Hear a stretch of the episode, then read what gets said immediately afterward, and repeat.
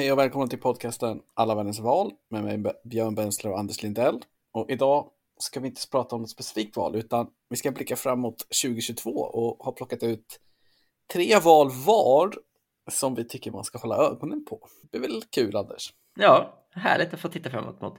Överlag känns det som att det är ett lite mer lättbegripligt år 2022, eller hur? Det är lite färre val än eh, 21, åtminstone planerat, så vet man aldrig vad som händer. Uh, och det är ganska många spännande, spännande länder och många val som jag tror många ser fram emot. Ja, men de tre israeliska omvalen är ju inte inne än. Eh, nej, det precis. Det har, inte, det har inte hänt.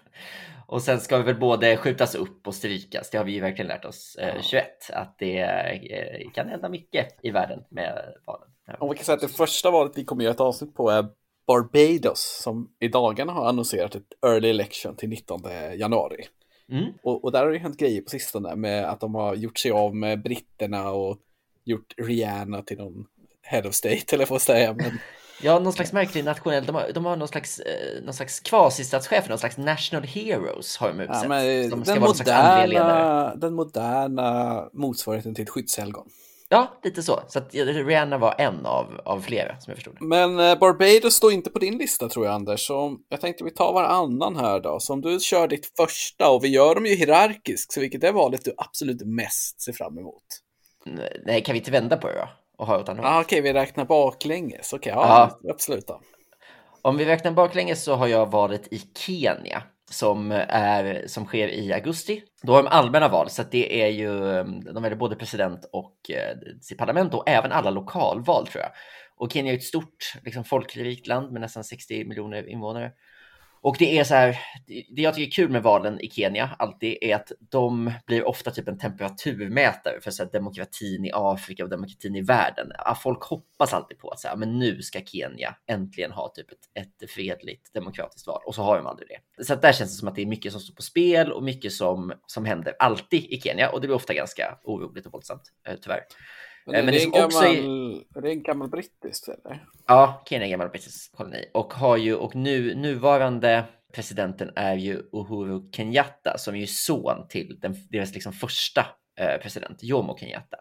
Eh, så att de har ju haft liksom, vad ska man säga, de har en president nu som avgår som ju verkligen är politiskt etablissemang och hans vicepresident kommer köra emot oppositions Eh, ledaren. Eh, och det är väldigt, väldigt jämnt i mätningen. Jag såg att det kom ut en, en, en av de första mätningarna mellan dem där båda har 40 procent egentligen. Det är liksom ett jämnt val där mycket står på spel i ett land som också lite står och väger, som ju inte räknas som en perfekt demokrati, men som ändå har ja, någon slags fungerande valapparat. Absolut. Så det tycker jag man ska hålla utkik över. Det, det kan säkert, det, det brukar ju också vara ett av de afrikanska länder som det skrivs mest om i svensk och europeisk media och så där. Så det kan säkert finnas en del att läsa om det och så. Men det är först i den 9 augusti. Alltså. Jag kommer via påläst för att finns det en brittisk koppling så har ju The Economist 20 gamla artiklar om inflationstakten. Ja, Exakt. Det är perfekt. Eh, ja, men det är kul. Eh, min trea då, det är Australien som jag tycker ska bli jäkligt spännande. Lite för att jag inte kan så mycket om landets politiska tradition, men jag har ju snappat upp att det har hänt mycket där de, ja, jag de senaste hela, åren. Det känns som att det är massa skandaler och så hela ja, tiden. Det, det, har varit, det har varit lite scandals och sen har de en gruff med Kina. Och sen hade de här enorma bränderna där premiärministern drog till Hawaii på semester. Ja. Fick krypa hem. Och sen har de haft väldigt mycket med covid, med lockdowns fram och tillbaks. Typ ett semi-auktoritärt system. Och sen gillar ju deras valsystem och så, alltså jag tycker det är härligt med first past the post grejer. Så att det ska bli kul att sig mer om och det känns också som att Scott Morrison, som eh, premiärminister heter, han borde liksom torska det här. Men eh, jag sneglar lite på opinionsundersökningen inför det här, såklart. Och kan konstatera att i en two-party vote share så har Labour tagit en ganska stor ledning. Eh, de senaste... För Morrison är konservativa? Exakt, han är Liberal National Coalition. Eh, eller han kommer från partiet då som heter det, liberal liksom. Mm. De, det är deras, deras högerparti. Men eh, är alla partier med så är det ganska jämnt mellan, alltså de, får man, de ligger på typ samma, runt 35 procent, både Labour och dem. Medan det är dåligt för de hade typ 45 procent i 2019 i mätningarna och fick knappt 42 procent i valet sist. Så att den blir spännande. Mm. Tyvärr för dig kan jag berätta att det gröna partiet har inget vind i seglen överhuvudtaget. Nej, men det det är vad man kan räkna med. De, de, de fick 10 sist, de ligger på 10 nu. Det är ja, de, är ändå, 10 procent. Ja, fick 10 procent ja, i valet sist. Det är de här Melbourne hipsterserna som... ändå. Det blir lite grann. Ja, deras leader ser jag här på Wikipedia, han sitter ju från Melbourne, så säg att du kan ju redan det där. Jag kan, jag kan De har en sit och det är han. Men det är ju så här orättvisa system. eh, ja, så den ser jag fram emot som, eh, som trea. Där. Det blir kul. Vad har du för om två då? Det är valet i Filippinerna som sker eh, 9 maj.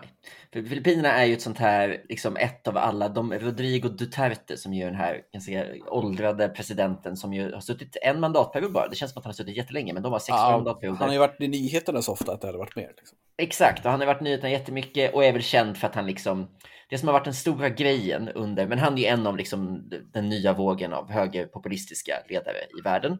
Och han eh, har ju utmärkt sig väldigt mycket genom de här utomrättsliga avrättningarna av eh, brottslingar. Och... Ja, de skjuter knark. Eh. Ja, mer, precis utan rättegång. Man bara gör. Och att han mer eller mindre har ju typ skrutit själv om att han under sin tid som borgmästare någonstans liksom själv mer eller mindre ska ha avrättat folk. Så att han, det är ju en väldigt extrem eh, person som ju nu avgår. Är det för att han måste eller? Ja, exakt. Han, han, han måste sluta efter sin, sin då enda, de har det här konstiga systemet med en enda eh, period, men den är då sex år lång. Så efter sex år så hoppar han av och då, då väljer man nya. Då. Så att det är spännande i sig. Kommer han göra det? Eller kommer det bli någon konstig Trump-situation där han misstänkliggör och ändrar? Det vet man inte. Det är ju en, liksom en bit kvar det är också spännande att så här, det finns ju också fortsatta spår i Filippinerna. Jag kan inte filippinsk politik så bra, men det finns ju fortfarande spår av den här Marcos-regimen, alltså den förra diktatorn som hade tidigare. Som, som ju liksom, den familjen har ju fortfarande en stor roll i filippinsk politik, så det är intressant vad som händer där. Det är också intressant att se om Dutertes parti liksom fortsätter, alltså eh, lite som med Trump. Kommer han ha en stor roll i partiet fortsatt? Kommer de fortsätta på samma väg som de haft under honom? Eh, det är liksom från början ett socialdemokratiskt parti. Liksom. Kommer de fortsätta på den här vägen som han har tagit in dem på eller kommer de vridas tillbaka lite grann? Liksom? Ja, jag kan så ska... Nej, man kan inte. Och det är, det är ändå så spännande och det har varit inne mycket. Och den här äh, gamla boxaren, Manny Pacquiao, är ju Ja, just det. Han skulle ju köra, ja. Det är fantastiskt ju. Ja. Det kan nog mycket väl vara så att han blir någon slags presidentkandidat, därför att han är redan nu senator i Filippinerna och är någon slags intern opposition i Dutertes parti, om jag förstår det rätt det som jag ser fram emot med Filippinerna det är att försöka fatta hur det faktum att de har varit en amerikansk koloni påverkar deras demokratiska system. Ja, ja det känns som För att det, finns... finns ju liksom inga andra sådana exempel. Nej, det skulle ju vara de här uh, söd, uh, Stilla havsöarna vi varit inne på. Ja, Men, det, ja. det är ju inte riktiga länder, höll jag säga. ja, det, det får stå för dig. En annan, rolig, en annan rolig grej med Filippinerna är att de har man väljer president och vicepresident, men det är inte på samma ticket. Det är ju dumt också. Så att man väljer, ja, till exempel då, Duterte har en, eh, ett annat partis vicepresident som vicepresident. Så att, så att där vann olika partier. Så att eh, det är ju spännande bara i sig, att det kan bli, kan bli stökigt där helt enkelt.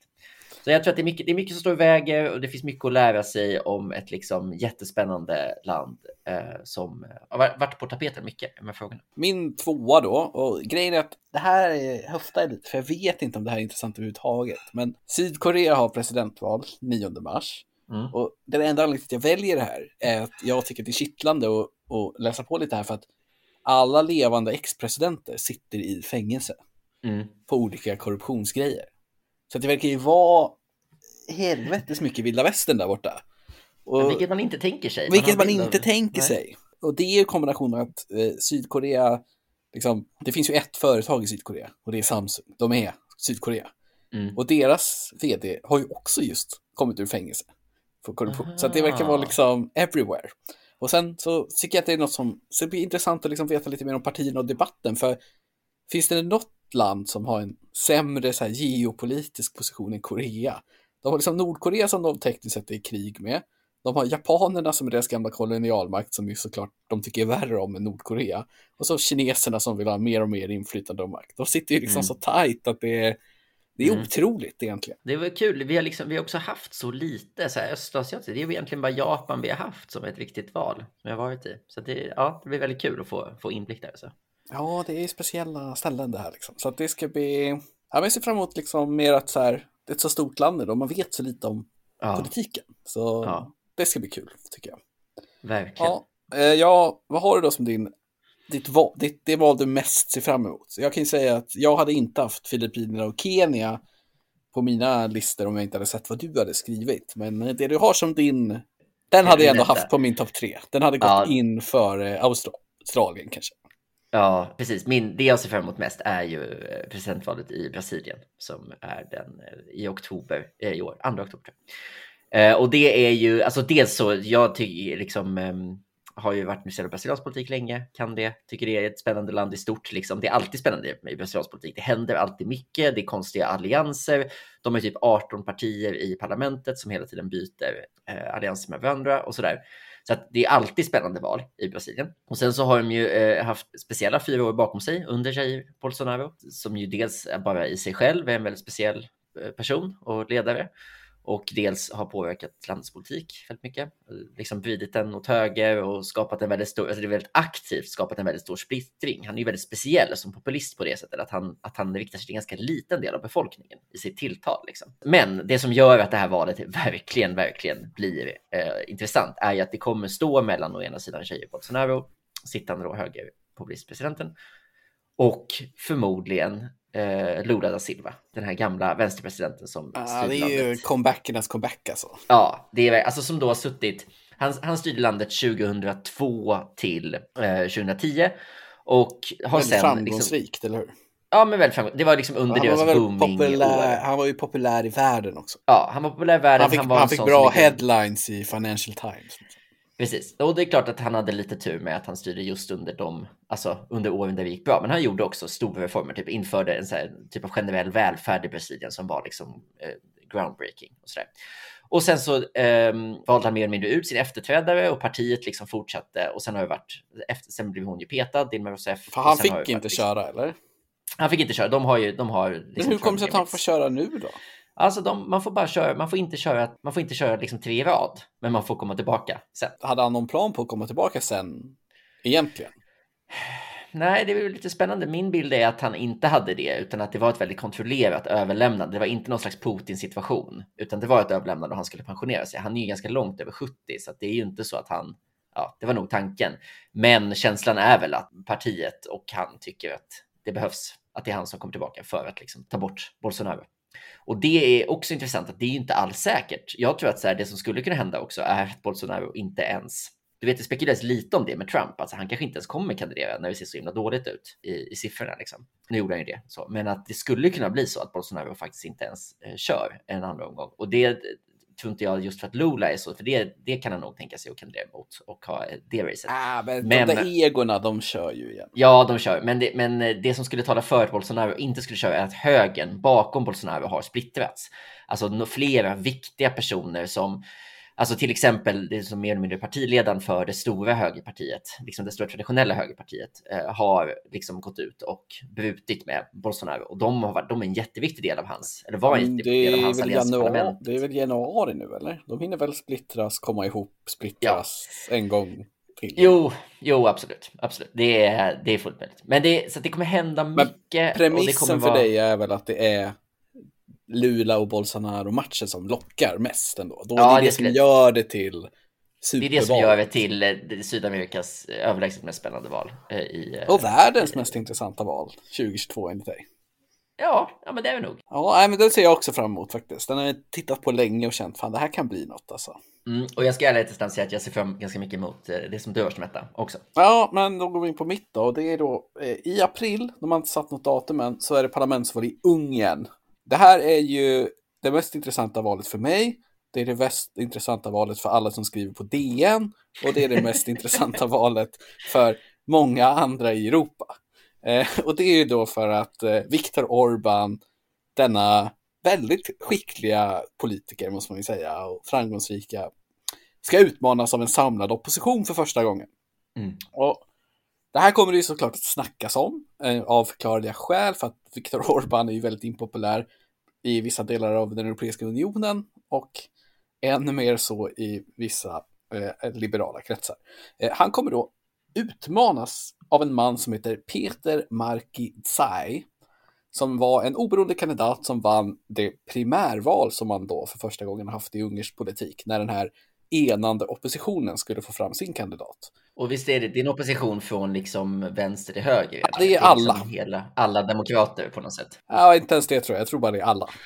Jag tror de här eh, som liksom, vissa som står till, de är med den. Ja, jag förstår det som att de är med i den också. I alla fall enligt klassificeringen på eh, Wikipedia här. Okej. Okay. Ja. Så den kanske är fel, liksom. men de, i den så står de inskrivna i den alliansen. Alla, liksom, det är alla mot. Och Jobbik är ju då till höger om egentligen. Men det skiter de i. Precis, de är partiet till höger om Orban som liksom på något sätt De är enda partierna som inte är med där. Det finns inget parti som inte är med. Det finns liksom några nystartade grejer som är liksom way out there åt höger som knappt mäts i undersökningen. Annars är det liksom Fidesz som är Orbans parti mot den här oppositionen då. Och det är superjämnt i undersökningarna, Anders. Oj, oj, mm. oj, vad jämnt mm. det är. De ligger liksom runt 49-50 procent, båda koalitionerna här, och har gjort mm. egentligen hela tiden sen den här mätserien eh, under 2021 då, som de, då de gjorde klart att de skulle enas som en opposition mot dem. Jobbik är ju det individuella parti som verkar straffas lite av det här. Men mm. nej, det blir superintressant just för att det här kommer ju vara något som all... Förstå hur mycket liksom, Stefan Löfven sitter och håller tummarna här för att det inte ska bli Orban och så vidare. Liksom.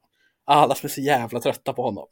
Ja, verkligen. Och det blir också ett kul, um, det blir ett kul tillfälle att liksom fördjupa sig lite vad som egentligen har hänt i Ungern de senaste åren också. Jag tycker det, det är ju väldigt, uh, jag tror ganska många känner igen sig i att så här, man hör bara ah, situationen i Ungern. Så här, ja, men då, vi kommer kunna titta lite på vad som har hänt i Ungern då egentligen. Ja, nej, så det, det ska bli skitintressant. Och det är eh, det som jag säger är världens mest intressanta val då, under 2022. Ja. Så för att summera upp då, de, de sex vi har valt ut här gemensamt, alltså Australien, Sydkorea, Kenya, Filippinerna, Brasilien, Ungern. Är de valen. Håll utkik efter dem. Sen eh, ska vi bara nämna också att eh, det är ju några val i väldigt, väldigt eh, generellt vältäckta länder medialt som vi kanske inte här har lyft upp. Och då tänker jag framförallt på, ja, dels uppenbart, det är ju val i Sverige i september. Det är också val i Frankrike två gånger va? Första är presidentval i april och sen är det parlamentsval i... Ja, ännu värre va? Det är först, första omgång i presidentval, andra omgång i presidentval, första omgången i parlamentsval, ja, andra omgången i parlamentsval. Ja. Men eh, vi kommer inte göra, vi kommer göra, vi kommer göra så här att för presidentvalets första omgång kommer vi göra ett avsnitt och sen kommer vi eventuellt följa upp med en andra omgång. Och så gör vi kanske ett för an, bara andra omgången i parlamentet då. Det kanske är, blir... Ja, eller om det är första som är intressant. Jag vet inte, vi får förstå. Men jag tror att andra, ja skitsamma, det där löser vi. Men i alla fall, men Frankrike är ju, det eh, finns det mycket media på. Det ska vi såklart ta på allvar också. Och sen är ju ett midterms i USA i eh, november. Det kan man säkert göra något roligt av tror jag. Ja, men det blir alltid, det är alltid kul spännande ändå. Det är, liksom, det är ju ändå världsdemokratin på, alltså, på något sätt. Liksom. Det, finns alltid, det finns alltid så kuriositeter att titta på tycker jag, i de där olika. Eh, man kan ju gå och titta, vi kan ju titta lite på några, om vi hittar några särskilt roliga seats så att säga. Kan det vi kolla på. Ja, vi kan ju alltid göra en specialversion för eh, guvernörsvalet i Texas också. Men nu gör inte vi eh, local elections, men vem vet. Ja, och sen de är ju, och sen kan vi bara lite snabbt kanske då namedroppa att det är lite val i Colombia också, som är ett stort och intressant land två gånger. Mm. Eh, och det, personligen eh, kittlar lite med lite Mali och sånt också. Så att det, det är ett härligt år på gång liksom. Vi kör på 2022 och nästa avsnitt blir Barbados då. Så på återseende. Ha det bra.